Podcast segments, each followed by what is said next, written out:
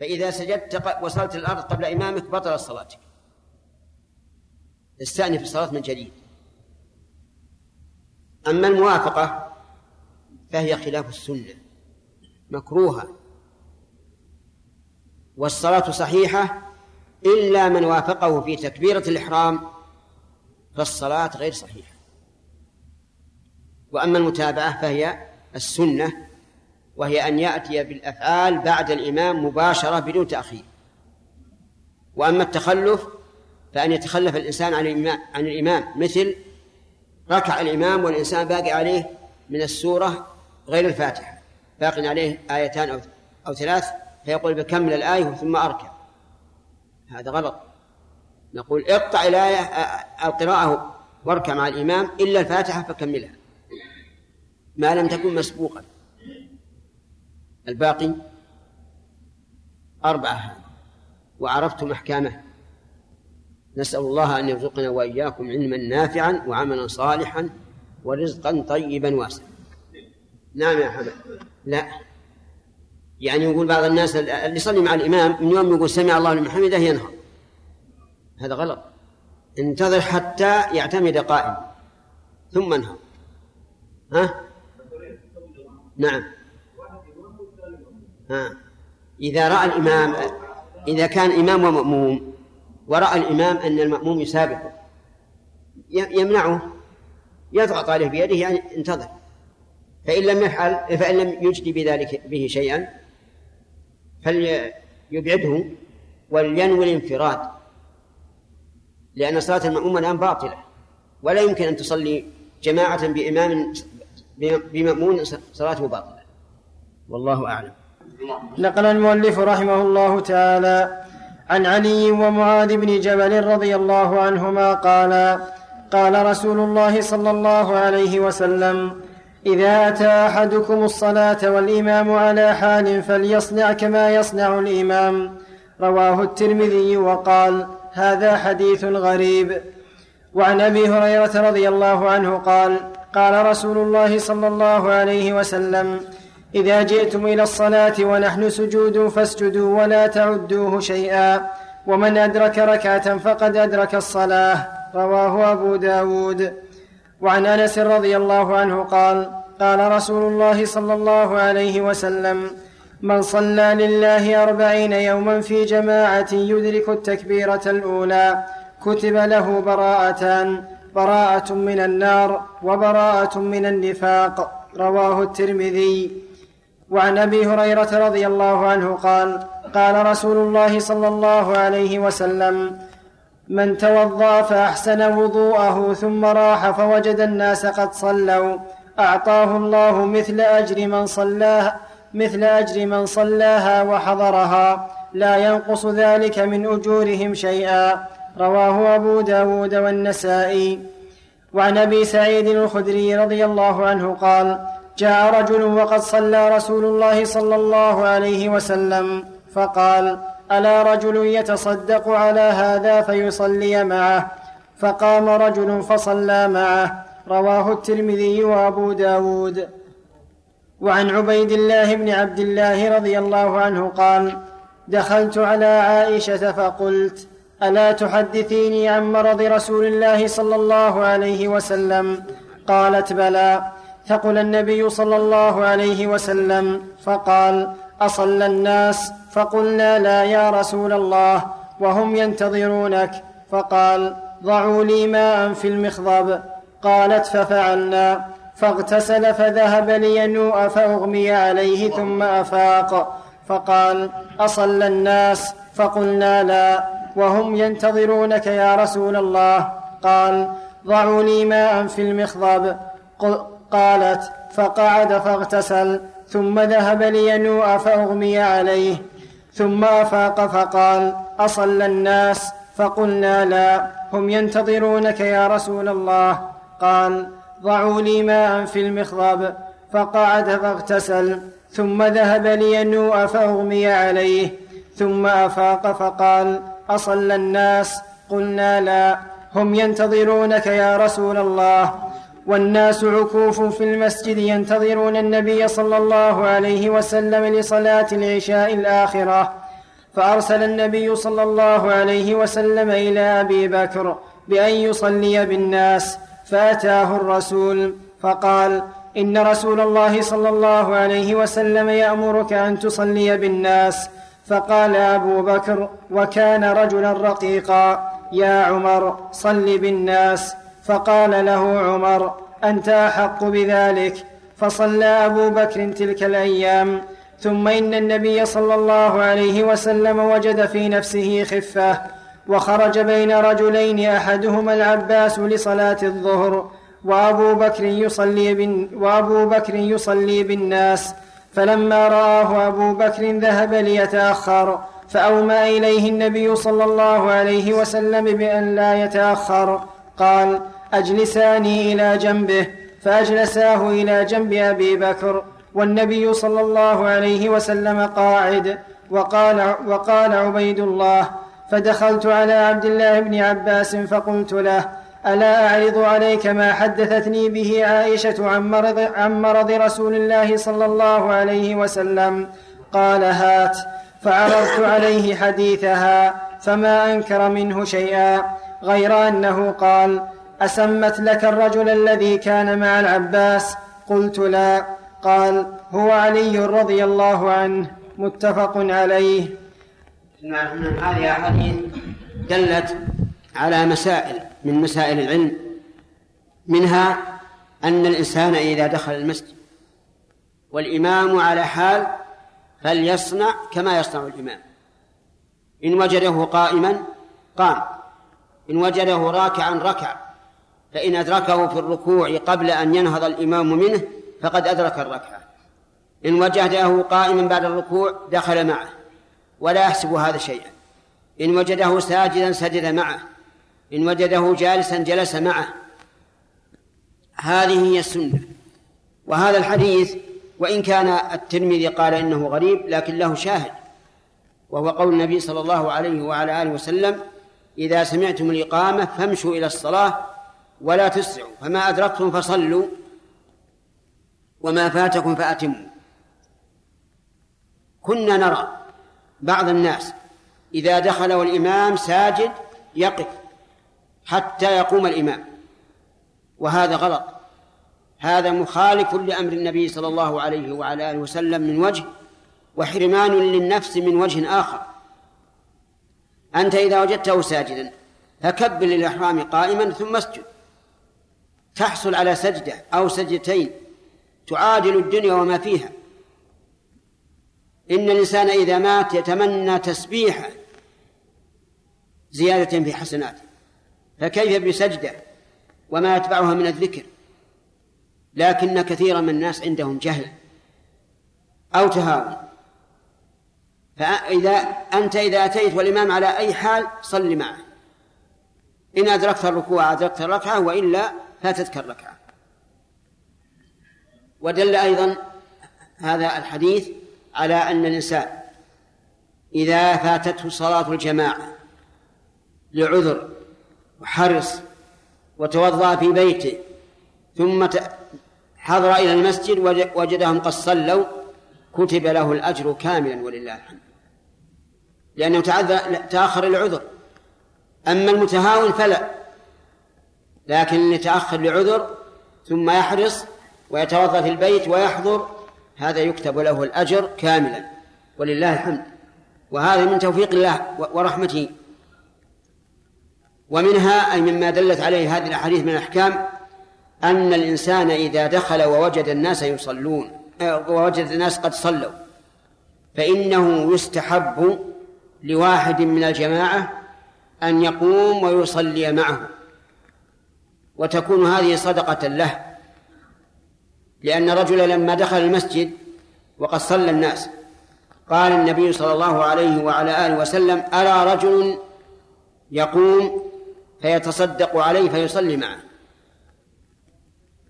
وهذا دليل على أن إعادة الجماعة في مسجد واحد إذا لم يكن عادة فلا بأس به. خلافا لمن كره هذا. بعض العلماء يقول ما تقام جماعة الثانية وهذا غلط لأن هذه الجماعة أقيمت بأمر النبي صلى الله عليه وعلى آله وسلم وترغيبه فيها أيضا. قال ألا رجل يقوم فيتصدق معه. ثم إنه صلى الله عليه وسلم قال صلاة الرجل مع الرجل أزكى من صلاته وحده وصلاته مع الرجلين أزكى من صلاته مع الرجل وما كان أكثر فهو أحب إلى الله. وهذا عام. وأما ما يذكر عن ابن مسعود أنه جاء إلى المسجد ووجد الناس قد صلوا ومعه أصحابه ثم رجع فصلى في بيته فهذا إن صح عنه فلأسباب لا ندري ما لعل ابن مسعود خاف أن يقتدي الناس به. فيقول هذا ابن مسعود صاحب رسول الله صلى الله عليه وسلم يتأخر عن الجماعة فأراد أن يحسم هذا ويذهب ويصلي في بيته. أو خشي عبد الله بن مسعود أن يكون في قلب الإمام شيء. فيقول الإمام هذا ابن مسعود تأخر حتى انتهيت من الصلاة ثم حضر. أو لأي سبب ما ندري ما هو لأنها قضية عين. وقد نقل صاحب المغني عن ابن مسعود نفسه أنه دخل المسجد يوما فوجد الناس قد صلوا فأقام الجماعة. فيكون عن ابن مسعود في ذلك قولان والمرجع إلى من؟ إلى السنة فها هو النبي صلى الله عليه وسلم يأمر من يقوم فيصلي مع الرجل جماعة ويقول هذه صدقة وإذا جازت الصدقة مع أنها مع أنها نفل في حق الثاني الذي قام فكيف إذا كانت واجبة؟ رجلان دخلا في المسجد, في المسجد ووجدا الناس قد صلوا هل يصليان جماعة؟ لماذا لا يصليان؟ وبشريعة من؟ سبحان الله. أن نتمسك بأثر عن ابن مسعود رضي الله عنه يحتمل أمورا ثم ندع السنة. هذا من الغلط. ودلت هذه الأحاديث أيضا على ما جرى للنبي صلى الله عليه وعلى آله وسلم من شدة المرض وعنايته بأمته صلوات الله وسلامه عليه. مرض اثني عشر يوما. من أول يوم من ربيع الأول حتى توفي في الثاني عشر منه وفي يوم من الأيام قام ليصلي فأغمي عليه. فدعا بماء فاغتسل به لينشط. ثم قام لي ليذهب إلى المسجد فأغمي عليه ثلاث مرات وهو يسأل. عن الناس أصلى الناس لأنه يهتم عليه الصلاة والسلام بالرعية فقالوا لا. ثم أمر أبا بكر أن يصلي بالناس فصلى بهم وفي أثناء الصلاة وجد خفة فخرج بين رجلين أحدهما عمه والثاني ابن عمه. عمه العباس بن عبد المطلب وابن عمه علي بن أبي طالب. تخط رجلاه بالأرض عليه الصلاة والسلام حتى قام عن يسار أبي بكر وصلى بهم. فدل هذا على أن الإمام الراتب إذا حضر وقد صلى نائبه بعد الصلاة أنه يتقدم ويصلي بهم ما بقي من الصلاة. لأن النبي صلى الله عليه وعلى آله وسلم هو الإمام الراتب فتقدم وصلى بهم بقية الصلاة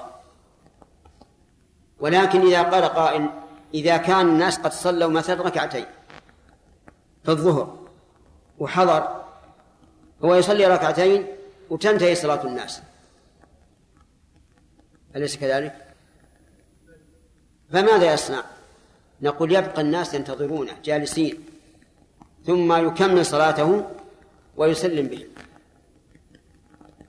وفي هذا الحديث دليل على فضيلة أبي بكر رضي الله عنه وأنه أفضل الصحابة وأحقهم بالخلافة بعد رسول الله صلى الله عليه وعلى آله وسلم. لأن النبي صلى الله عليه وسلم جعله خليفته في الصلاة وجعله نائبا عنه في الحج في السنة التاسعة. وقال لا يبقى باب على المسجد إلا سد إلا باب أبي بكر. وقال يأبى الله ورسوله والمؤمنون إلا أبا بكر. وقال لامرأة سألته حاجة فقال ائتي للعام المقبل. قالت إن لم أجدك قال ائتي أبا بكر. والنصوص في هذا صريحة واضحة أن أبا بكر هو الخليفة بعد رسول الله صلى الله عليه وعلى آله وسلم. وهذا مجمع عليه.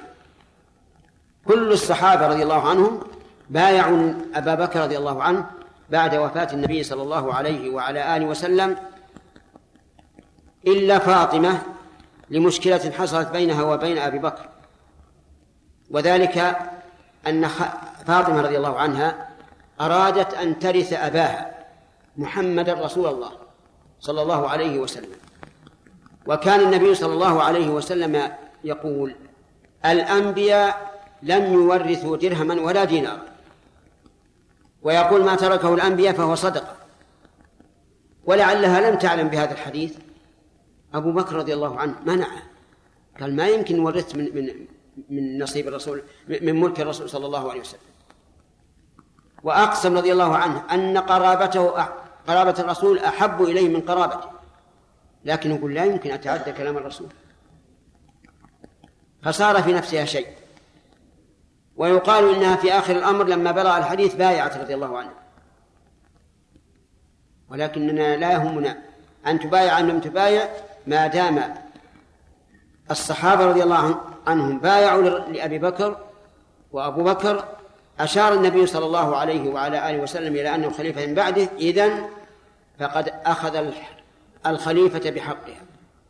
نعم فقد أخذ الخلافة بحقها رضي الله عنه. ثم عهد بعد ذلك إلى إلى عمر. ونعم ما اختار. وعمر خليفة شرعية حق لأنه صار خليفة بمقتضى خلافة أبي بكر رضي الله عنه. ولا اعتراض لأحد. عمر رضي الله عنه أشكل عليه الأمر لأنه لم يره رجلا بارزا بينا فيخلفه ولأن النبي صلى الله عليه وعلى آله وسلم لم يخلف على وجه صريح. وعمر رضي الله عنه من أسد الناس رأيا وأكثرهم مشورة مع أنه سديد الرأي لكن يشاور. اختار ستة من الصحابة رضي الله عنهم وجعل الأمر فيهم شورى. قال تشاوروا واللي تجعلون الخليفة والخليفة وقال يحضركم عبد الله بن عمر عبد الله بن عمر ابن الخطاب. ابنه لصلبه قال يحضركم وليس له من العلم شيء. يعني لا تجعلون الخليفة لأن الخلافة تستحق بالمعنى اللائق لا بالوراثة. وحصل ما حصل. وبويع عثمان رضي الله عنه بطريق شرعي ملزم للأمة. ولا إشكال في خلافة هؤلاء. علي بن أبي طالب أحق الناس بالخلافة بعد عثمان ولذلك صار الخليفة. وحصل في زمنه اختلاف. لكن الحمد لله المسلمون مجمعون على أن علي بن أبي طالب هو الخليفة الرابع في هذه الأمة المباركة. ولكن لا حق له في الخلافة مع أبي بكر ولا مع عمر ولا مع عثمان لأنه هو كان من بينهم. كان عمر رضي الله عنه يقول لو كان أبو عبيدة عامر بن الجراح حيا لجعلته الخليفة. لأنه متميز. بماذا تميز؟ تميز بقول النبي صلى الله عليه وعلى آله وسلم أمين هذه الأمة أبو عبيدة عامر بن الجراح. هذه الشهادة عظيمة. أمين هذه الأمة أبو عبيدة عامر بن الجراح. لكنه قد مات قبل عمر. مما يدل على أن عمر رضي الله عنه كان من جملة أسباب جعله الأمر شورى أنه لم يجد أحدا متميزا كتميز عمر من بين الصحابة حين خلفه أبو بكر رضي الله عنه. فالحاصل أنه لا شك عندنا أن الخلافة بالترتيب. أبو بكر ثم ثم عمر ثم عثمان ثم علي. قال الإمام أحمد بن حنبل إمام أهل السنة محدث الفقهاء وفقيه المحدثين. قال رضي الله عنه من طعن في خلافة أحد من هؤلاء فهو أضل من حمار أهله. أضل من حمار. وصدق رضي الله عنه. من يطعن في خلافة أحد من هؤلاء وأصحاب النبي صلى الله عليه وعلى آله وسلم متفقون على على الخلافة ولم يختلف اثنان منهم لأن الخلافة بهذا الترتيب. أبو بكر ثم عمر ثم عثمان ثم علي. الفضل اتفقت الصحابة على أن خير هذه الأمة بعد نبيها أبو بكر. ما في معارض ولا في مزاحم. ثم عمر رضي الله عنه. لا مزاحم ولا مخالف. حتى أمير المؤمنين علي بن أبي طالب رضي الله عنه بعد أن كان خليفة لا منازع له ولا يخاف من أحد كان يقول على منبر الكوفة خير هذه الأمة بعد نبيها أبو بكر ثم عمر. هكذا يقول. فأين من يقولون إن علي بن أبي طالب أفضل من أبي بكر وعمر ونحن نتولى عليا؟ ثم يكذبونه فعلا. بقوله إن خير هذه الأمة أبو بكر ثم عمر. لأنهم إذا لم إذا لم يقروا بذلك فهذا تكذيب لعلي رضي الله عنه. فأين الولاية لعلي؟ إذن نقول الخلافة مرتبون أبو بكر ثم عمر ثم عثمان ثم علي. ونقول كما قال إمام أهل السنة أحمد بن حنبل رحمه الله. من طعن في خلافة أحد من هؤلاء فهو أضل من حمار أهله. وإنما قال أضل من الحمار لأن أبلد الحيوانات الحمير. ولهذا ضرب الله ضربها الله تعالى مثلا لليهود الذين لم حملوا التوراة ثم لم يحملوها. وضربها النبي صل... ضربه النبي صلى الله عليه وعلى آله وسلم مثلا لمن يتكلم يوم الجمعة ولمن يخطب فهو كالحمار يحمل أسفار أما الفضل فأبو بكر ثم عمر بالإجماع. اختلف أهل السنة في علي وعثمان أيهما أفضل؟ فمنهم من فضل عثمان ثم سكت ومنهم من فضل عليا على عثمان هذا في الفضل غير الخلاف. ومنهم من فضل عثمان ثم علي. وهذا الأخير هو الذي استقر عليه أمر أمر أمر أهل السنة والجماعة. أن الخلفاء الأربعة في الفضيلة مرتبون كترتيبهم في إيش؟ في الخلاف. هذا هو الذي ندين الله به. ونحن بذلك أولياء علي بن أبي طالب وشيعة علي بن أبي طالب. لأننا نقول كما قال علي ولعلي من الميزة قرابته من الرسول عليه الصلاة والسلام.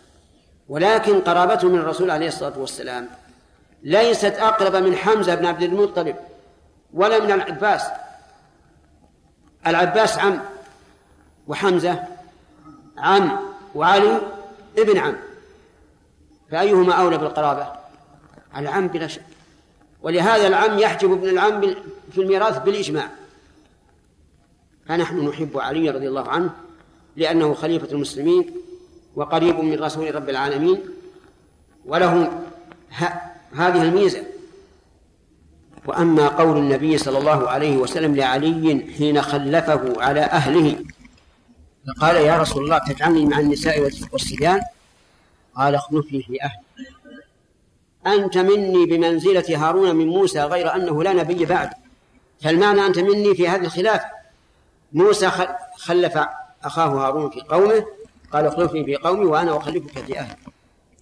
غير أنه لا نبي بعد. فهذه قضية خاصة عين فإن قال قائل أفلا يمتاز علي بأن النبي صلى الله عليه وعلى آله وسلم زوجه فاطمة؟ فقلنا إن كان يمتاز بذلك وهو يمتاز به فعثمان زوجه النبي صلى الله عليه وسلم. ابنتيه أم كلثوم ورقية. لما ماتت واحدة زوجها الأخرى. ولهذا يسمى عثمان رضي الله عنه ذا النورين لأنه تزوج ابنتي رسول الله صلى الله عليه وعلى آله وسلم. فالحاصل أن أهل السنة والجماعة يعطون كل ذي حق حقه بلا نقص ولا غلو. اللهم اجعلنا من أهل السنة والجماعة وأمتنا على ذلك يا رب العالمين واحشرنا مع الذين أنعمت عليهم من النبيين والصديقين والشهداء والصالحين. قال رحمه الله تعالى باب من صلى صلاة مرتين. عن جابر رضي الله عنه قال كان معاذ بن جبل يصلي مع النبي صلى الله عليه وسلم ثم يأتي قومه فيصلي بهم متفق عليه. وعنه رضي الله عنه قال كان معاذ يصلي مع النبي صلى الله عليه وسلم العشاء, ثم يرجع إلى قومه فيصلي بهم العشاء وهي له نافلة. وعن يزيد, وعن يزيد بن الأسود رضي الله عنه قال شهدت مع النبي صلى الله عليه وسلم حجته فصليت معه صلاة الصبح في مسجد الخيف فلما قضى صلاته وانحرف فإذا هو برجلين في آخر القوم لم يصليا معه قال علي بهما فجيء بهما ترعد فرائصهما فقال ما منعكما أن تصليا معنا؟ فقالا يا رسول الله إنا كنا قد صلينا في رحالنا قال فلا تفعلا. إذا صليتما في رحالكما ثم أتيتما مسجد جماعة فصليا معهم فإنها لكما نافلة. رواه الترمذي وأبو داود والنسائي. بسم الله الرحمن الرحيم. قال المؤلف رحمه الله تعالى باب الصلاة مرتين. يريد بذلك إعادة الصلاة لسبب. أما إذا كان لغير سبب فلا تعد الصلاة. لأنك لو أعدت الصلاة ابتدعت في دين الله ما ليس منه وانفتح عليك باب الوسواس. لأن الله لا يوجب على عباده لأن الله لم يوجب على عباده أن يصلوا مرتين. لكن إذا كان إعادة الصلاة لسبب فلا بأس. مثال ذلك ما جاء في حديث معاذ رضي الله عنه. كان يصلي مع النبي صلى الله عليه وعلى آله وسلم العشاء. في المسجد النبوي ثم يخرج إلى قومه في مزارعهم فيصلي بهم نفس الصلاة لكنها له نافلة ولهم فريضة. وفي هذا الحديث دليل على جواز أن يصلي الإنسان الفريضة خلف من يصلي النافلة. لأن معاذ فعل هذا في عهد النبي صلى الله عليه وعلى آله وسلم ولم ينكر عليه النبي صلى الله عليه وعلى آله وسلم. فلو قال قائل لعل النبي صلى الله عليه وسلم لم يعلم بذلك فالجواب إن الله قد علم بهذا ولم ينزل بذلك وحي فيجوز أن يصلي الإنسان الفريضة خلف من يصلي النافلة وهذا يكثر في في أيام رمضان. يأتي الإنسان إلى المسجد بعد أن بعد أن صلوا العشاء وشرعوا في صلاة التراويح. فهنا نقول ادخل معهم في صلاة التراويح بنية الفريضة. فإن كنت مسافرا كفاك ركعتان وإن كنت مقيما فإذا سلم الإمام أتم الصلاة أربعا. أما الحديث الثاني ففيه إعادة الصلاة لسبب وذلك أن النبي صلى الله عليه وعلى آله وسلم صلى في منى في مسجد الخيف صلاة الفجر. فلما انصرف رأى رجلين لم يصليا فدعا بهما فجيء بهما ترعد فرائصهما تنتفض. هيبة من النبي صلى الله عليه وعلى آله وسلم. وكان الله عز وجل ألقى على نبيه الهيبة الهيبة العظيمة حتى إن أخص أصحابه به يهابه كما في حديث المسيء في صلاته. المهم جيء بهما فقال ما منعكم أن تصلي معنا؟ قال يا رسول الله صلينا في رحالنا. فقال إذا صليتما في رحالكما ثم أتيتما مسجد جماعة فصليا معهم فإنها لكما نافلة. وقولهما رضي الله عنهما صلينا في رحالنا. يحتمل أنهما لا لم يعلما بوجوب الصلاة مع الجماعة. ويحتمل أنهما خافا أن لا يدرك الجماعة. ويحتمل أنهما صليا مبكرين. وليس في ذلك دليل على أن الجماعة غير واجبة لوجود هذه الاحتمالات الثلاث الثلاثة. وعلى هذا فإذا صليت في مسجدك ثم أتيت إلى مسجد آخر لحضور درس أو أو شهود جنازة فصل معهم سواء صلاة العصر أو الفجر أو الظهر أو المغرب أو العشاء. أي صلاة؟ صل معهم فتكون لك نافلة. وللذين في المسجد؟ إيش؟ فريضة.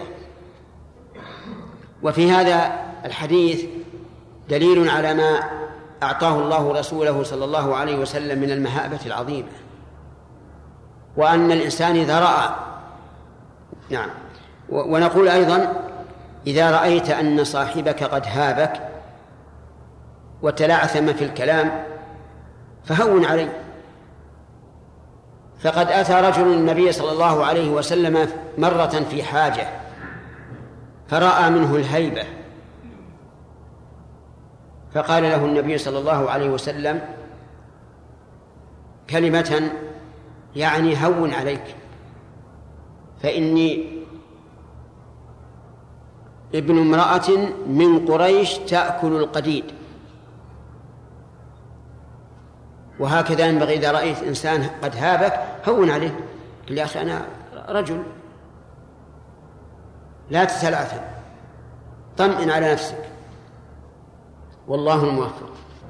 صلى النافلة؟ صلى معه. نعم. باعتبار انها نافلة. نعم. فاته شيء هل يجوز يسلم مع الامام؟ الأفضل أن يتم. وإذا لم يفعل وقد صلى ركعتين مع الإمام وخاف أن يفوت غرضه كما لو كان جاء لجنازة وخاف أنهم يصلون عليها لو لو لو بدا يقضي فلا بأس أن يسلم. عرفت؟ بلى هذا يحتمل لكن فهمك غلط. المسافر تجب عليه صلاة الجماعة مثل غيره. إذا بطل هذا الاحتمال. وهو في الصلاة.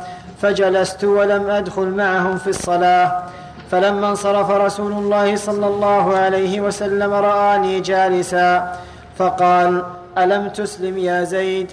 قلت بلى يا رسول الله قد أسلمت. قال وما منعك أن تدخل مع الناس في صلاتهم؟ قال إني كنت قد صليت في منزلي أحسب أن قد صليتم. فقال إذا جئت الصلاة فوجدت الناس فصل معهم وإن كنت فصل معهم وإن كنت قد صليت. فصل معهم وإن كنت قد صليت. تكن لك نافلة وهذه مكتوبة. رواه أبو داود. وعن ابن عمر رضي الله عنهما أن رجلا سأله فقال إني أصلي في بيتي ثم, ثم أدرك الصلاة في المسجد مع الإمام أفأصلي معه؟ قال له نعم. قال الرجل أيتهما أجعل صلاتي؟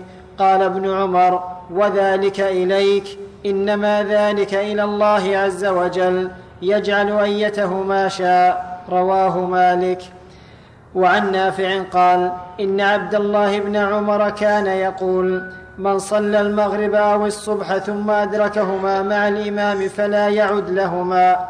رواه فلا يعد لهما رواه فلا يعد لهما رواه مالك. بسم الله الرحمن الرحيم. هذه الأحاديث في بقية دخول الإنسان إذا دخل المسجد والناس يصلون أن يدخل معهم ولو كان قد صلى.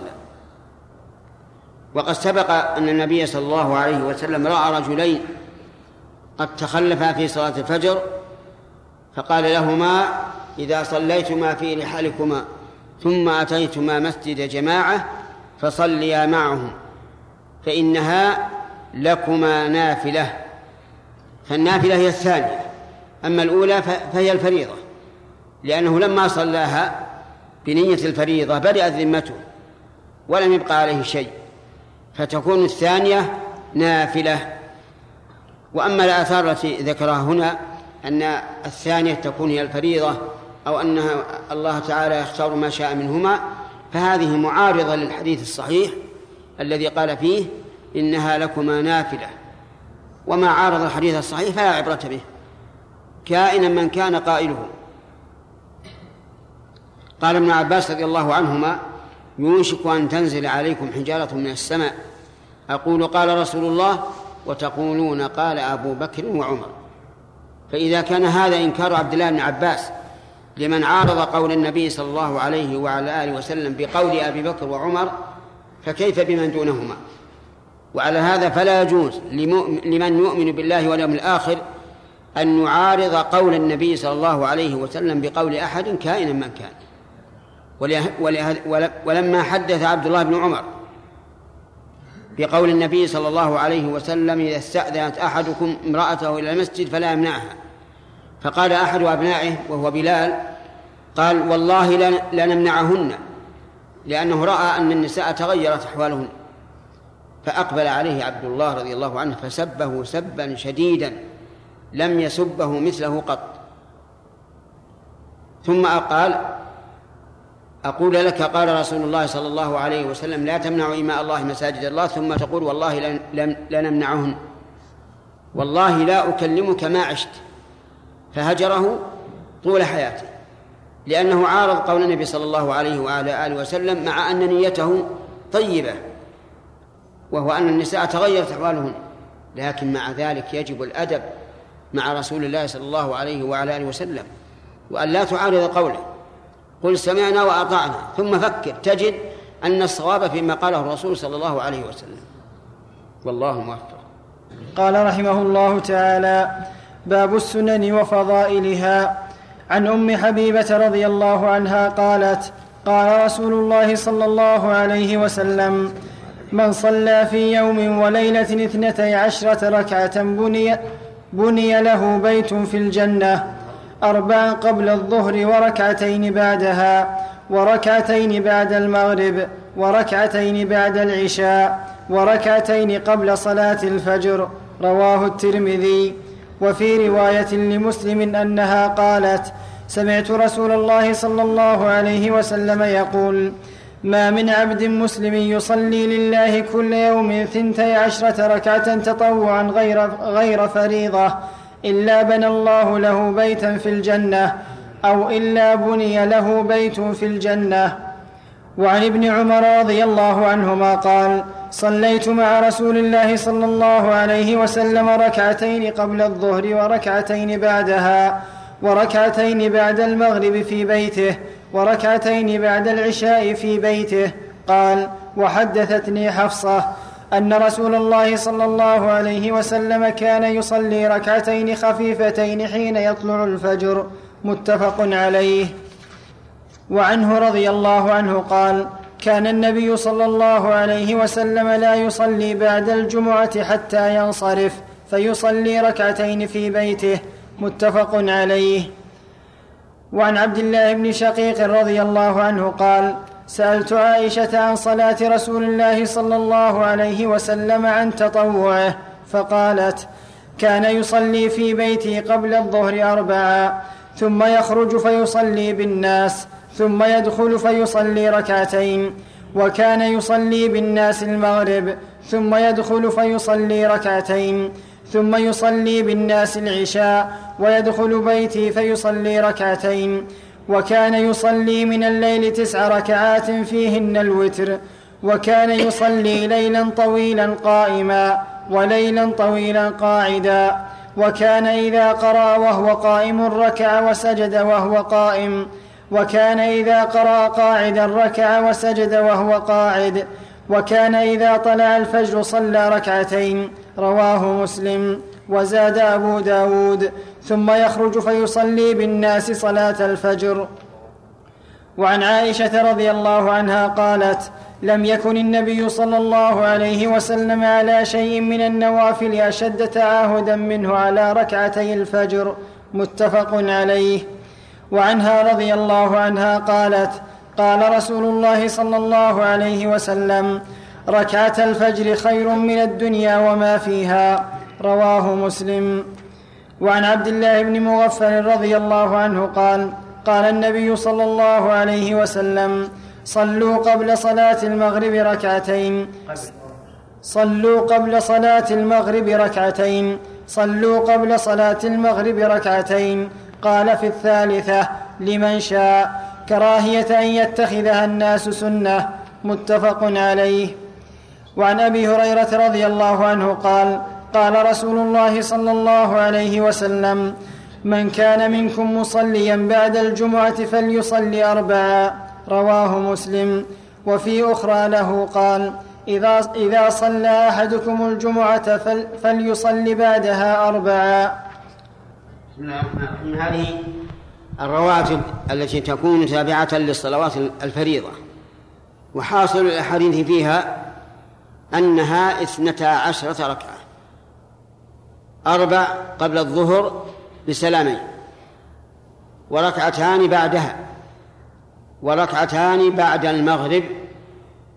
وركعتان بعد العشاء. وركعتان قبل الفجر. فليحافظ الإنسان عليها.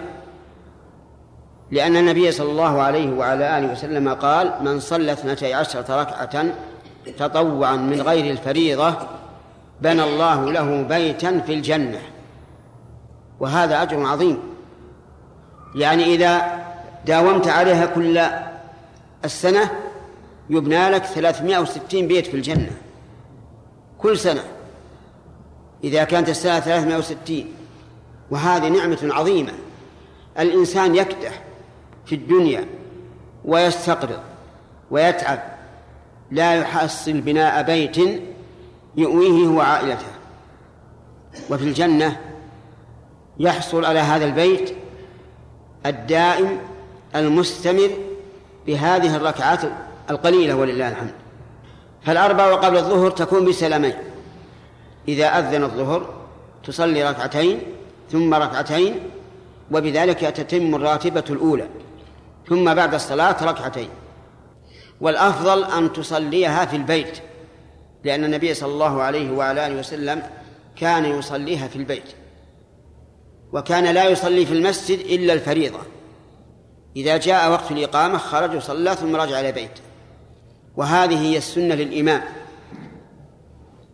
فلو سألني الإمام أيما أفضل أن أتقدم وأصلي ركعتين وأبقى في المسجد حتى يأتي وقت الإقامة أو أبقى في بيتي حتى تأتي الإقامة قلنا الثاني أفضل. تطوع في بيتك وتبقى في بيتك حتى تأتي الإقامة ثم احضر. وكذلك في الجمعة. الجمعة فيها فضل التقدم إليها إلا الإمام. فالأفضل أن لا يأتي إلا وقت الخطبة. وما يفعله بعض المجتهدين يأتي مبكرا ويبقى في الصف. فإذا جاء وقت الخطبة قام وسلم فهذا لم يكن على عهد النبي صلى الله عليه وعلى آله وسلم وهو مخالف للسنة. وهذا يعذر باجتهاده لكن إذا بان له الحق وجب عليه أن يتبع الحق. نقول ابقى في بيتك ولا تأتي للجمعة إلا وقت الصلاة. هذه الرواتب إذا فاتت الإنسان فإنه يقضيها. فمثلا لو فاته راتبة الظهر بأن دخل المسجد والناس يصلون فليدخل معهم فإذا قضى الصلاة صلى الركعتين الأخيرتين ثم قضى الأربع التي قبل الصلاة. كذلك أيضا في الفجر. إذا فاتتك الراتبة قبل وجئت والناس يصلون فصل معهم ثم إذا فرغت من التسبيح والتهليل والتكبير صل السنة. وليس في هذا نهي لأن هذه تابعة للفريضة. كذلك هذه الرواتب احرص على أن تكون في البيت سواء كنت إماما أو مأموما. لقول النبي صلى الله عليه وعلى آله وسلم أفضل صلاة المرء في بيته إلا المكتوبة. والصلاة في البيت تعمر البيت بالنور. الصلاة في البيت تكون سببا لإلف الصلاة للصبيان. إذا رأوا أباهم يصلي فإنهم يألفون الصلاة وتجدهم يأتون إلى أبيهم وهو يصلي ويقلدونه وهم لا يدرون ففيها مصلحة. ولهذا قال النبي صلى الله عليه وعلى آله وسلم لا تجعلوا بيوتكم قبورا. يعني لا تجعلوا مثل مقبرة ما يصلى فيها صلوا فيها. كذلك أيضا هذه الرواتب أفضلها راتبة الفجر. وتمتاز بثلاثة أمور. الأمر الأول أنها تصلى في في الإقامة والسفر. فإن النبي صلى الله عليه وعلى آله وسلم لم يكن يدعها. الثاني أنها تخفف. حتى إن عائشة تقول هل قرأ النبي صلى الله عليه وسلم بالفاتحة؟ من تخفيفه إياها. الثالث أنها خير من الدنيا وما فيها. ركعتان سنة الفجر. خير من الدنيا وما فيها. خير من أفخم السيارات. نعم. نعم. وأفخم القصور. وأجمل الزوجات. وأكثر البنين. وليس الدنيا اللي أنت فيها فقط الدنيا من أولها إلى آخرها. هاتان الركعتان خير من الدنيا وما فيها.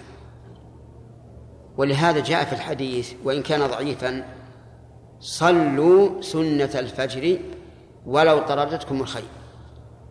لا تتركها احرص عليها. أما الجمعة فليس لها راتبة قبلها. إذا حضرت فصل ما شئت. لو تصلي عشرين ركعة أو أكثر.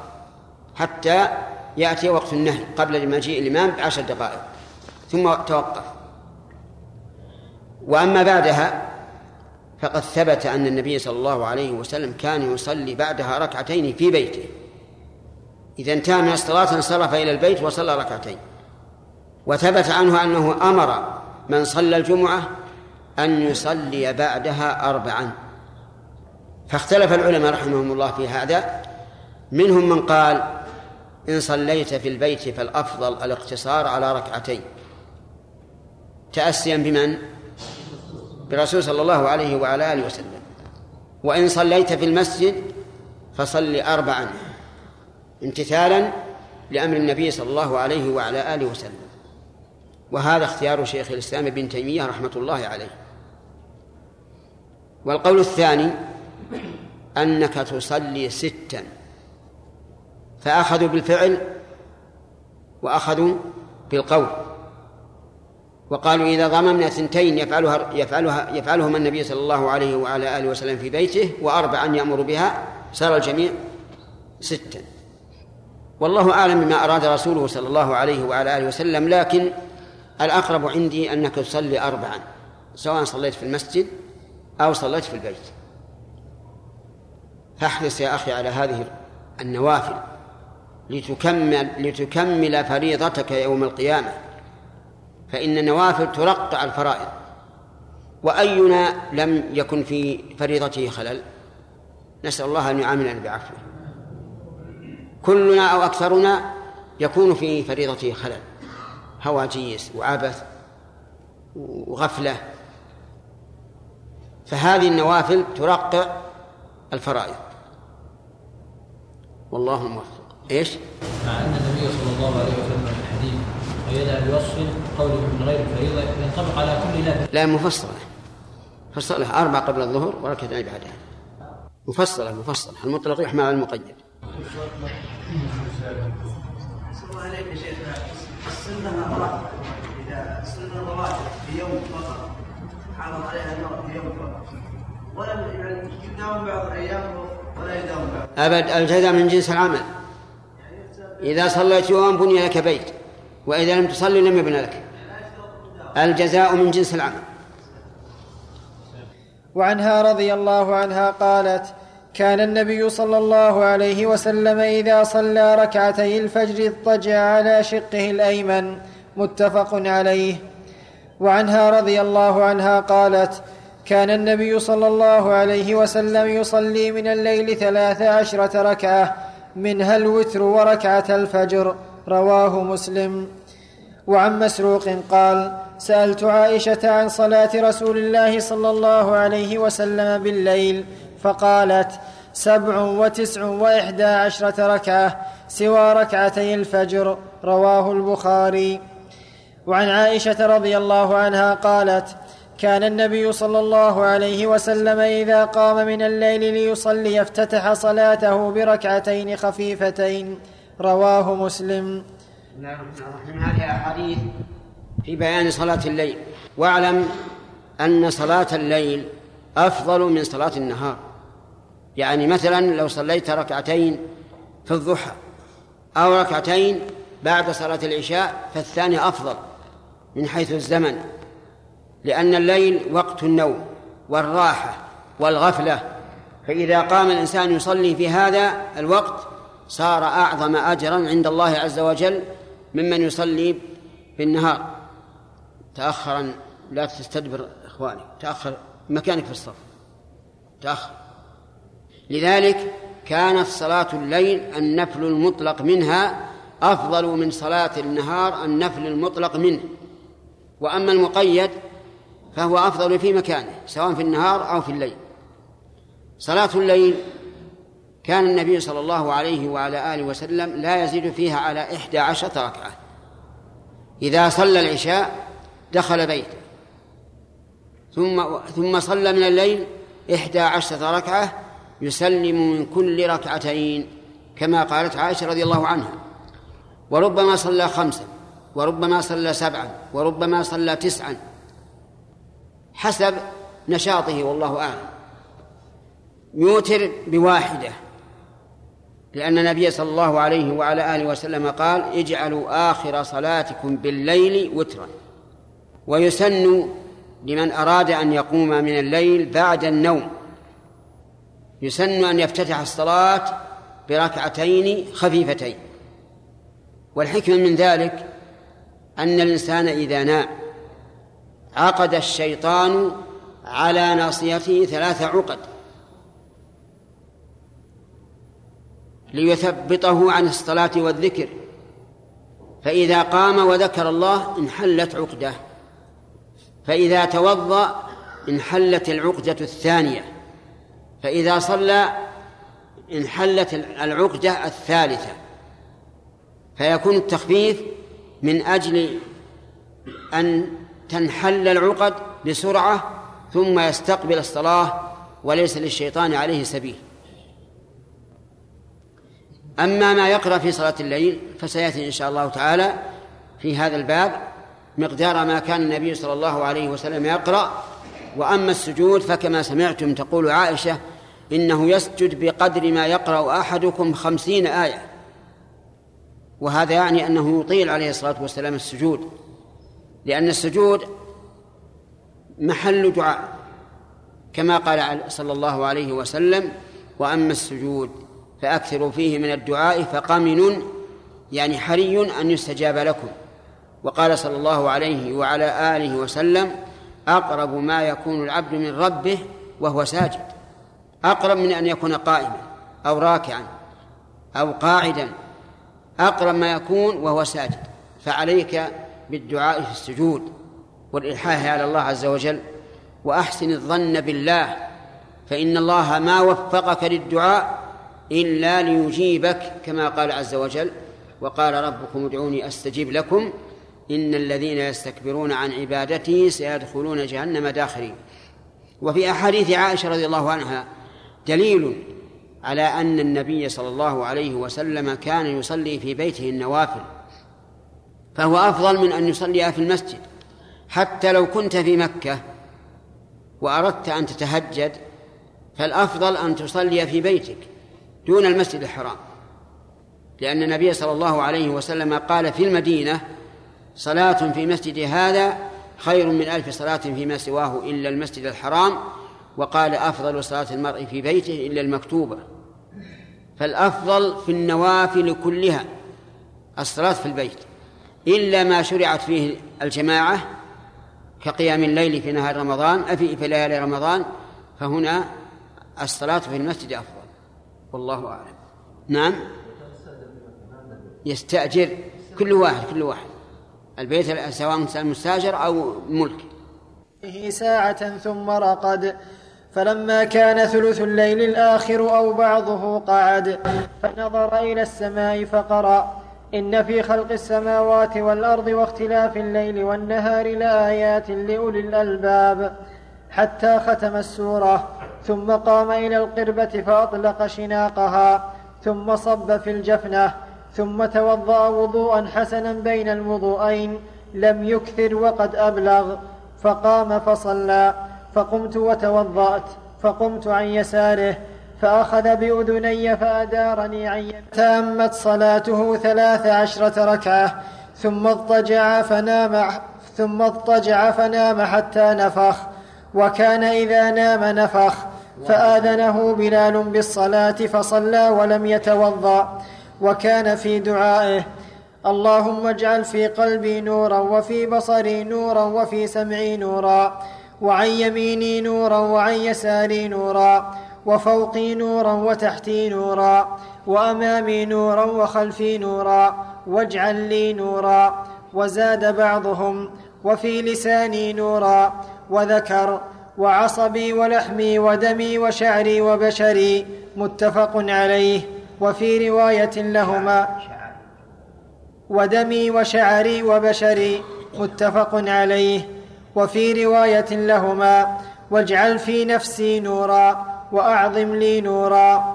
وفي أخرى لمسلم اللهم أعطني نورا. بسم الله الرحمن الرحيم. هذا حديث عبد الله بن عباس رضي الله عنهما ابن عم النبي صلى الله عليه وعلى آله وسلم. كان حين وفاة الرسول صلى الله عليه وسلم قد بلغ قريبا لكنه رضي الله عنه حريص على العلم يتتبع الصحابة ويروي عنهم حتى كان يأتي إلى بيت الرجل من أصحاب الرسول صلى الله عليه وعلى آله وسلم فيتوسد رداءه وينام حتى يخرج صاحب البيت فيسأله عن الحديث. وقيل له يا يا عبد الله بما أدركت العلم؟ قال أدركت العلم بلسان سؤول وقلب عقول وبدن غير ملول. وقد دعا له النبي صلى الله عليه وعلى آله وسلم فقال اللهم فقهه في الدين وعلمه التأويل. كان من حرصه على معرفة أحوال النبي صلى الله عليه وعلى آله وسلم أنه بات ذات ليلة عند خالته ميمونة بنت الحارث الهلالية وكان النبي صلى الله عليه وسلم عندها تلك الليلة. يقول رضي الله عنه إن النبي صلى الله عليه وسلم لما صلى العشاء أتى إلى البيت وتحدث مع أهله ساعة والساعة ليست ساعة الآن ساعة يعني مدة من الزمن قد تطول وقد تقصر. وهذا من حسن خلقه عليه الصلاة والسلام. يتحدث إلى أهله يدخل السرور عليهم سواء في خاصتهم أو في عامتهم حسب ما يناسب. ثم نام. فلما بقي ثلث الليل الآخر أو قريبا منه قام صلى الله عليه وعلى آله وسلم وذكر الله ورفع بصره إلى السماء يتأمل ويتفكر في هذه المخلوقات العظيمة هذه النجوم والكواكب اللامعة التي تسير بإذن الله عز وجل. وقرأ إن في خلق السماوات والأرض واختلاف الليل والنهار لآيات لأولي الألباب. الذين يذكرون الله قياما وقعودا وعلى جنوبهم ويتفكرون في خلق السماوات والأرض. ربنا ما خلقت هذا باطلا سبحانك فقنا عذاب النار. ربنا إنك من تدخل النار فقد أخزيته وما للظالمين من أنصار. ربنا إننا سمعنا مناديا ينادي للإيمان أن آمنوا بربكم فآمنا ربنا فاغفر لنا ذنوبنا وكفر عنا سيئاتنا وتوفنا مع الأبرار. ربنا وآتنا ما وعدتنا على رسلك ولا تخزنا يوم القيامة إنك لا تخلف الميعاد. فاستجاب لهم ربهم أني لا أضيع عمل عامل منكم من ذكر أو أنثى بعضكم من بعض. فالذين هاجروا وأخرجوا من ديارهم وأوذوا في سبيلي وقاتلوا وقتلوا لأكفرن عنهم سيئاتهم ولأدخلنهم جنات تجري من تحتها الأنهار ثوابا من عند الله والله عنده حسن الثواب. لا يغرنك تقلب الذين كفروا في البلاد. متاع قليل ثم مأواهم جهنم وبئس المهاد.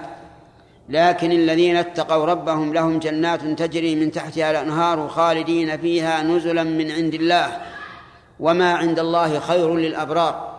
وإن من أهل الكتاب لمن يؤمن بالله وما أنزل إليكم وما أنزل إليهم خاشعين لله لا يشترون بآيات الله ثمنا قليلا. أولئك لهم أجرهم عند ربهم. إن الله سريع الحساب. يا أيها الذين آمنوا اصبروا وصابروا ورابطوا واتقوا الله لعلكم تفلحون. كل هذه الآيات قرأها عليه الصلاة والسلام قبل أن يتوضأ. فينبغي للإنسان إذا قام من الليل أن يقرأ هذه الآيات.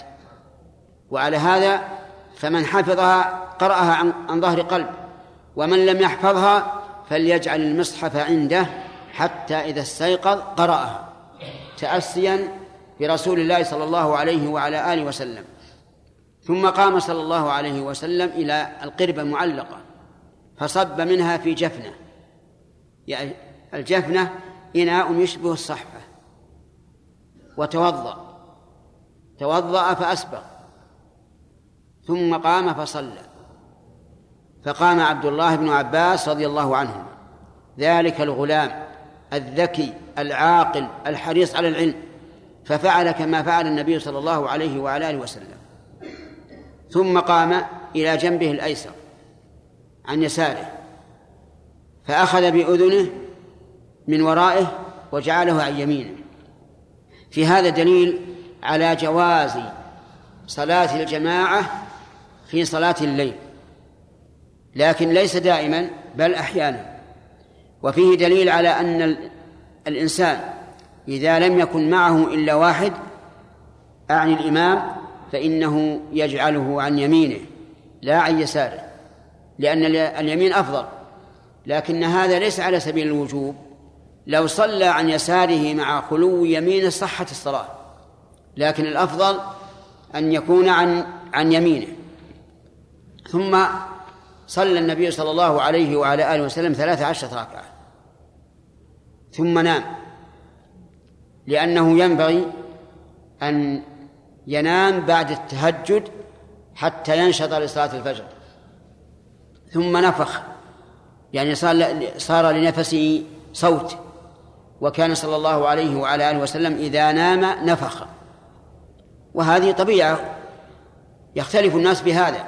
بعض الناس إذا نام كأنه ميت. لا تسمع له نفسا ولا شيئا.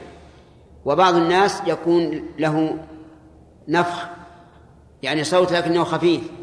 وبعض الناس له صوت ثقيل وشديد. حتى أنك لا تكاد أن تنام إلى جنبه والله سبحانه وتعالى خلق وفرق ثم أتاه بلال لصلاة الفجر. فقام ولم يتوضأ صلى الفجر مع أنه نام ونفخ. ففي هذا دليل على أن النوم لا ينقض الوضوء إذا عرف الإنسان حال نفسه وأنه لم يحدث. ووجه ذلك أن النبي صلى الله عليه وعلى آله وسلم كان ينام تنام عيناه ولا ينام قلبه. لو خرج منه ريح لأحس بها ولو كان نائما.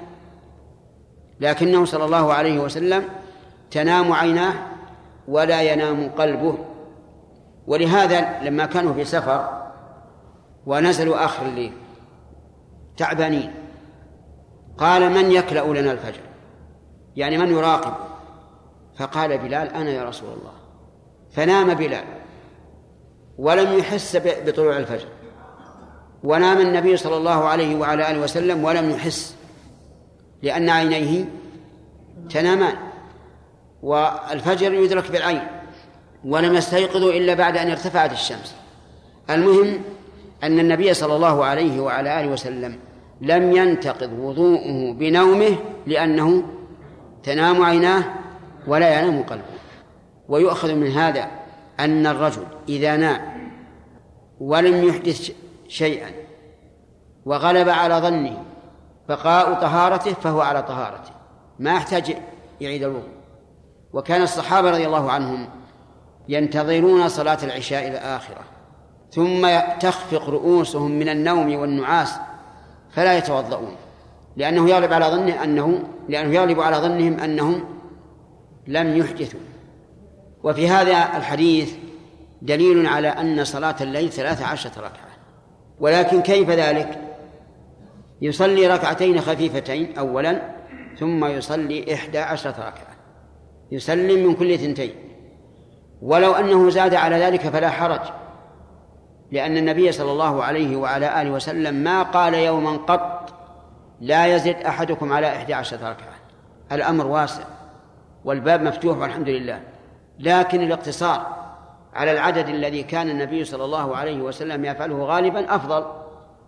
وفي هذا دليل على جواز بيتوتة أقارب الزوجة عند الزوج. لأن ميمونة خالة ابن عباس والنبي صلى الله عليه وعلى آله وسلم ابن عمه فهو قريب للزوج وللزوجة رضي الله عنه وفيه دليل على جواز الوضوء بماء الغير وإن لم يستأذن منه إذا علم رضاه بذلك.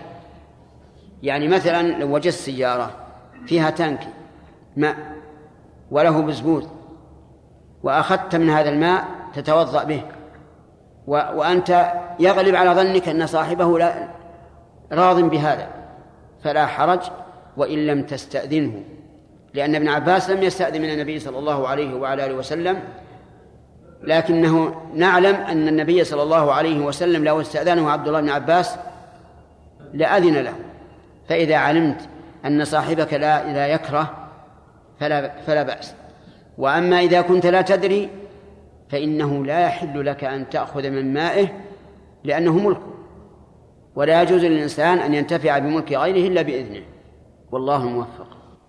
نقل المؤلف رحمه الله تعالى عن ابن عباس رضي الله عنهما أنه رقد عند رسول الله صلى الله عليه وسلم فاستيقظ فتسوك وتوضأ وهو يقول إن في خلق السماوات والأرض حتى ختم السورة ثم قام فصلى ركعتين أطال فيهما القيام والركوع والسجود ثم انصرف فنام حتى نفخ ثم فعل ذلك ثلاث مرات ست ركعات. كل ذلك يستاك ويتوضأ ويقرأ هؤلاء الآيات ثم أوتر بثلاث. رواه مسلم. وعن زيد بن خالد الجهني رضي الله عنه أنه قال لارمقن صلاة رسول الله صلى الله عليه وسلم الليلة فصلى ركعتين خفيفتين ثم صلى ركعتين طويلتين طويلتين طويلتين ثم صلى ركعتين وهما دون اللتين قبلهما ثم صلى ركعتين وهما دون اللتين قبلهما ثم صلى ركعتين وهما دون اللتين قبلهما ثم صلى ركعتين وهما دون اللتين قبلهما ثم أوتر فذلك ثلاث عشرة ركعة رواه مسلم. وعن عائشة رضي الله عنها قالت لما بدن رسول الله صلى الله عليه وسلم وثقل كان أكثر صلاته جالسا. متفق عليه. وعن عبد الله بن مسعود رضي الله عنه قال لقد عرفت النظائر التي كان النبي صلى الله عليه وسلم يقرن بينهن. فذكر عشرين سورة من أول المفصل على تأليف ابن مسعود سورتين في ركعة. آخرهن حاميم الدخان وعم يتساءلون. متفق عليه. وعن حذيفة رضي الله عنه أنه رأى النبي صلى الله عليه وسلم يصلي من الليل وكان يقول الله أكبر ثلاثا ذو الملكوت والجبروت والكبرياء والعظمة ثم استفتح فقرأ البقرة ثم ركع فكان ركوعه نحوا من قيامه فكان يقول في ركوعه سبحان ربي العظيم ثم رفع رأسه من الركوع فكان قيامه نحوا من ركوعه يقول لربي الحمد ثم سجد فكان سجوده نحوا من قيامه فكان يقول في سجوده سبحان ربي الأعلى. ثم رفع رأسه من السجود وكان يقعد فيما بين السجدتين نحوا من سجوده وكان يقول رب اغفر لي رب اغفر لي. فصلى أربع ركعات قرأ فيهن البقرة وآل عمران والنساء والمائدة أو الأنعام شك شعبة رواه أبو داود. وعن عبد الله بن عمرو بن العاص رضي الله عنهما قال قال رسول الله صلى الله عليه وسلم من قام بعشر آيات لم يكتب من الغافلين ومن قام بمائه آية كتب من القانتين ومن قام بألف آية كتب من المقنطرين رواه أبو داود.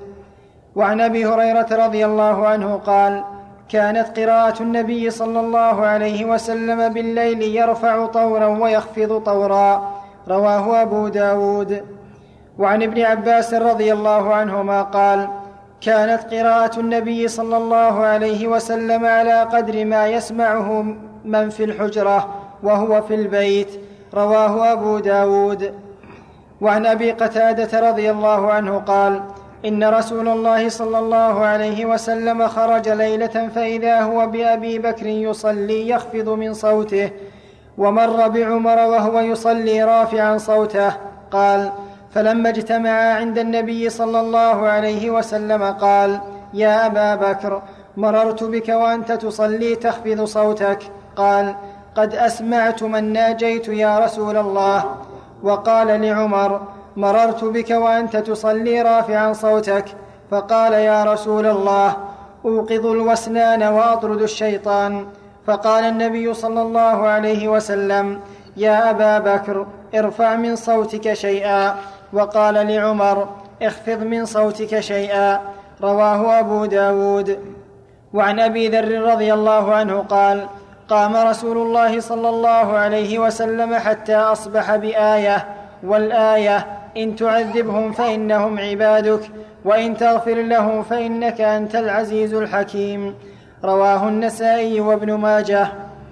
وعن أبي هريرة رضي الله عنه قال قال رسول الله صلى الله عليه وسلم إذا صلى أحدكم ركعتي الفجر فليضطجع على يمينه.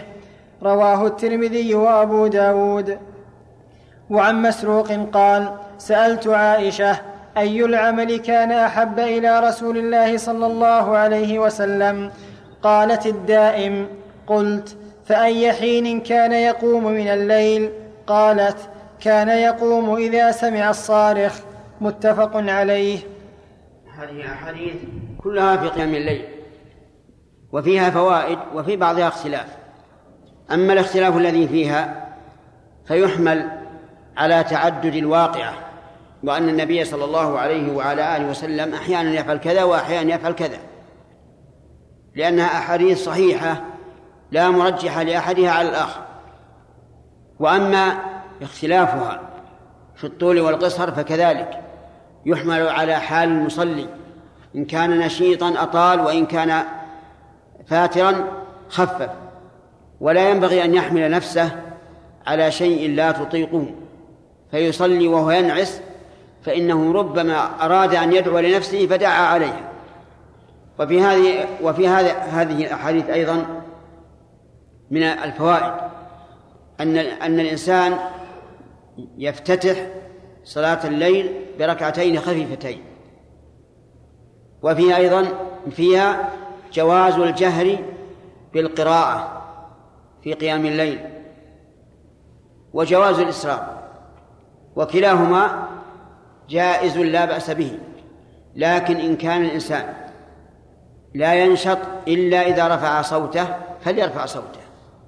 وإن كان ينشط بدونه فكما قال أبو بكر رضي الله عنه لما قال له النبي صلى الله عليه وسلم إنك تقرأ سرا قال يا رسول الله لقد أسمعت من أناجي وهو الله عز وجل. وهذا كفاية. لكن النبي صلى الله عليه وسلم أمر عمر أن يخفض قليلا وأمر أبا بكر أن يرفع قليلا. أما أمر أبا بكر فلأجل أن يكون ذلك أنشط له. وأما عمر فلئلا يفزع من حوله مع أن عمر يقول إنما جهر ليوقظ الوسنان يعني النائم ويطرد الشيطان. وعلى كل حال ينبغي للإنسان أن يغتنم أن يغتنم الوقت ما دام حيا. يجتهد في قيام الليل ولا سيما في آخره فإن الله عز وجل ينزل إلى السماء الدنيا حين يبقى ثلث الليل الآخر فيقول من يدعوني فأستجيب له من يسألني فأعطيه من يستغفرني فأغفر له. وهذه فرصة فرصة عظيمة. نسأل الله أن يعيننا وإياكم على ما على ما ينبغي لنا أن نفعل.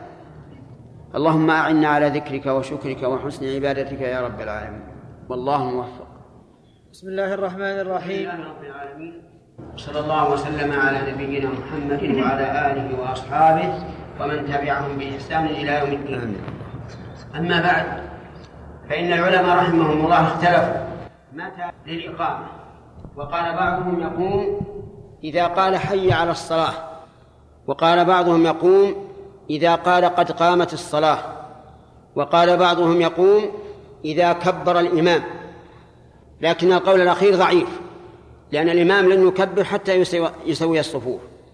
أما كونكم تقومون من حين أن تروا الإمام فهذا خلاف السنة. ما علمنا أحدا من العلماء قال به. لأنه من الجائز أن الإمام يريد أن يصلي ركعتين قبل أن يقيم الصلاة أو يريد أن يعمل عملا آخر قبل أن يقيم الصلاة. فلا ينبغي لكم أن تقوموا من حين أن تروا الإمام. انتظروا حتى يبدأ الإقامة ثم قوموا. ولكم من تقوموا من حين يبدأ بالإقامة أو إذا قال حي على الصلاة أو إذا قال قد قامت الصلاة أو إذا أكمل الإقامة. فنرجو أن لا تتعجلوا. لا تتعجلوا. الشرع كله خير وكله بركة وكله هدى. وهل أنتم إذا قمتم قبل أن يشرع في الإقامة هل معناها أنكم ستدخلون في الصلاة قبل الإمام؟ لا. إذا ما الفائدة؟ فأحببت أن أنبهكم لهذا. لأن الإنسان قد يكون مثله له غرض. إما مثلا بالنسبة لي أنا إما أن أريد أن أدخل الحجرة أعمل شيئا أو أريد أن أتكلم بشيء.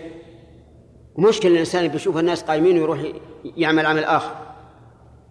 فلا تحرج الإمام اقرأ. قال رحمه الله تعالى باب ما يقول إذا قام من الليل. عن ابن عباس رضي الله عنهما قال كان النبي صلى الله عليه وسلم إذا قام من الليل يتهجد قال اللهم لك الحمد أنت قيم السماوات والأرض ومن فيهن ولك الحمد أنت نور السماوات والأرض ومن فيهن ولك الحمد أنت ملك السماوات والأرض ومن فيهن ولك الحمد أنت الحق ووعدك الحق ولقاؤك حق وقولك حق والجنة حق والنار حق والنبيون حق ومحمد حق والساعة حق. اللهم لك أسلمت وبك آمنت وعليك توكلت وإليك أنبت وبك خاصمت وإليك حاكمت. فاغفر لي ما قدمت وما أخرت وما أسررت وما أعلنت وما أنت أعلم به مني. أنت المقدم وأنت المؤخر لا إله إلا أنت ولا إله غيرك. متفق عليه. بسم الله الرحمن الرحيم. هذا من الأحاديث التي كان النبي صلى الله عليه وعلى آله وسلم يقولها إذا قام من الليل. وسبق أنه كان صلى الله عليه وعلى آله وسلم ينظر إلى السماء إذا قام ويقرأ إن في خلق السماوات والأرض واختلاف الليل والنهار إلى آيات لأولي الألباب إلى آخر الآيات العشر من آخر سورة آل عمران. وفي هذا الحديث الذي ذكره المؤلف عن ابن عباس رضي الله عنهما دليل على مسائل منها كمال استسلام النبي صلى الله عليه وعلى آله وسلم لربه عز وجل وأنه أقوى الناس إيمانا وأشدهم استسلاما عليه الصلاة والسلام. يقول بك آمنت ولك أسلمت. فيكون آمن, آمن باطنه وأسلم ظاهره عليه الصلاة والسلام. وفيه أيضا فيه دليل على أن النبي صلى الله عليه وعلى آله وسلم يجب أن يشهد لنفسه بأنه رسول. يجب أن يشهد لنفسه بأنك بأنه رسول. كما قال النبيون حق ومحمد حق لأنه رسول الله. فهو مرسل إلى الناس وواجب عليه أن يقوم. بما تقتضيه هذه الرسالة وقد قام بذلك صلى الله عليه وسلم. ومنها أن النبي صلى الله عليه وعلى آله وسلم يستغفر من الذنوب فهو في حاجة إلى مغفرة الله. وإذا كان النبي صلى الله عليه وسلم في حاجة إلى مغفرة الله فما بالك بنا؟ إننا أشد حاجة إلى مغفرة الله عز وجل. ومنها أن النبي صلى الله عليه وسلم لا يعلم الغيب حتى فيما فعل بنفسه حيث قال اغفر لي ما أنت أعلم به مني. لأن الإنسان قد ينسى ويظن أنه لم يعمل ذنبا وهو عامل ولكن الله عالم به لا ينسى عز وجل. فأنت تسأل الله أن يغفر لك ما لم تكن تعلم. وما أكثر الذنوب التي فعلناها ونسيناها ولكننا نسأل الله تعالى أن يكفرها عنا وأن يغفر لنا. فالعبد مفتقر إلى الله عز وجل في كل أحواله. مهما بلغت درجته من الكمال البشري فإنه في حاجة إلى مغفرة الله تعالى ورضوانه. فينبغي للإنسان أن يكتب هذا الدعاء في ورقة وأن يحفظه شيئا فشيئا ويقرأه كل يوم وحينئذ لا ينساه بإذن الله. وهو كلام من خير قول البرية كلام من رسول الله من رسول الله صلى الله عليه وسلم رب العالمين. الإنسان مفتقر إليه فأوصي نفسي وإياكم أن تكتبوا ذلك بورقة وتحفظوه وتحرصوا على القيام به في كل يوم تقومون للتهجد. وفقني الله وإياكم لما فيه خير الدنيا والآخرة إنه على كل شيء قدير. نقل المؤلف رحمه الله تعالى عن عائشة رضي الله عنها قالت كان النبي صلى الله عليه وسلم إذا قام من الليل افتتح صلاته فقال اللهم رب, جب اللهم رب جبريل وميكائيل وإسرافيل. فاطر السماوات والأرض عالم الغيب والشهادة أنت تحكم بين عبادك فيما كانوا فيه يختلفون. اهدني لما اختلف فيه من الحق بإذنك إنك تهدي من تشاء إلى صراط مستقيم. رواه مسلم. وعن عبادة بن الصامت رضي الله عنه قال قال رسول الله صلى الله عليه وسلم من تعار من الليل فقال لا إله إلا الله وحده لا شريك له له الملك وله الحمد وهو على كل شيء قدير. وسبحان الله والحمد لله ولا إله إلا الله والله أكبر ولا حول ولا قوة إلا بالله. ثم قال رب اغفر لي أو قال ثم دعا استجيب له. فإن توضأ وصلى قبلت صلاته. رواه البخاري. بسم الله الرحمن الرحيم. هذه هذان حديثان عند التهجد. الأول حديث عائشة رضي الله عنها أن النبي صلى الله عليه وعلى آله وسلم كان يستفتح في صلاة الليل بهذا الاستفتاح. اللهم رب جبريل أي يا رب جبريل وميكائيل وإسرافيل فاطر السماوات والأرض عالم الغيب والشهادة أنت تحكم بين عبادك فيما كانوا فيه يختلفون.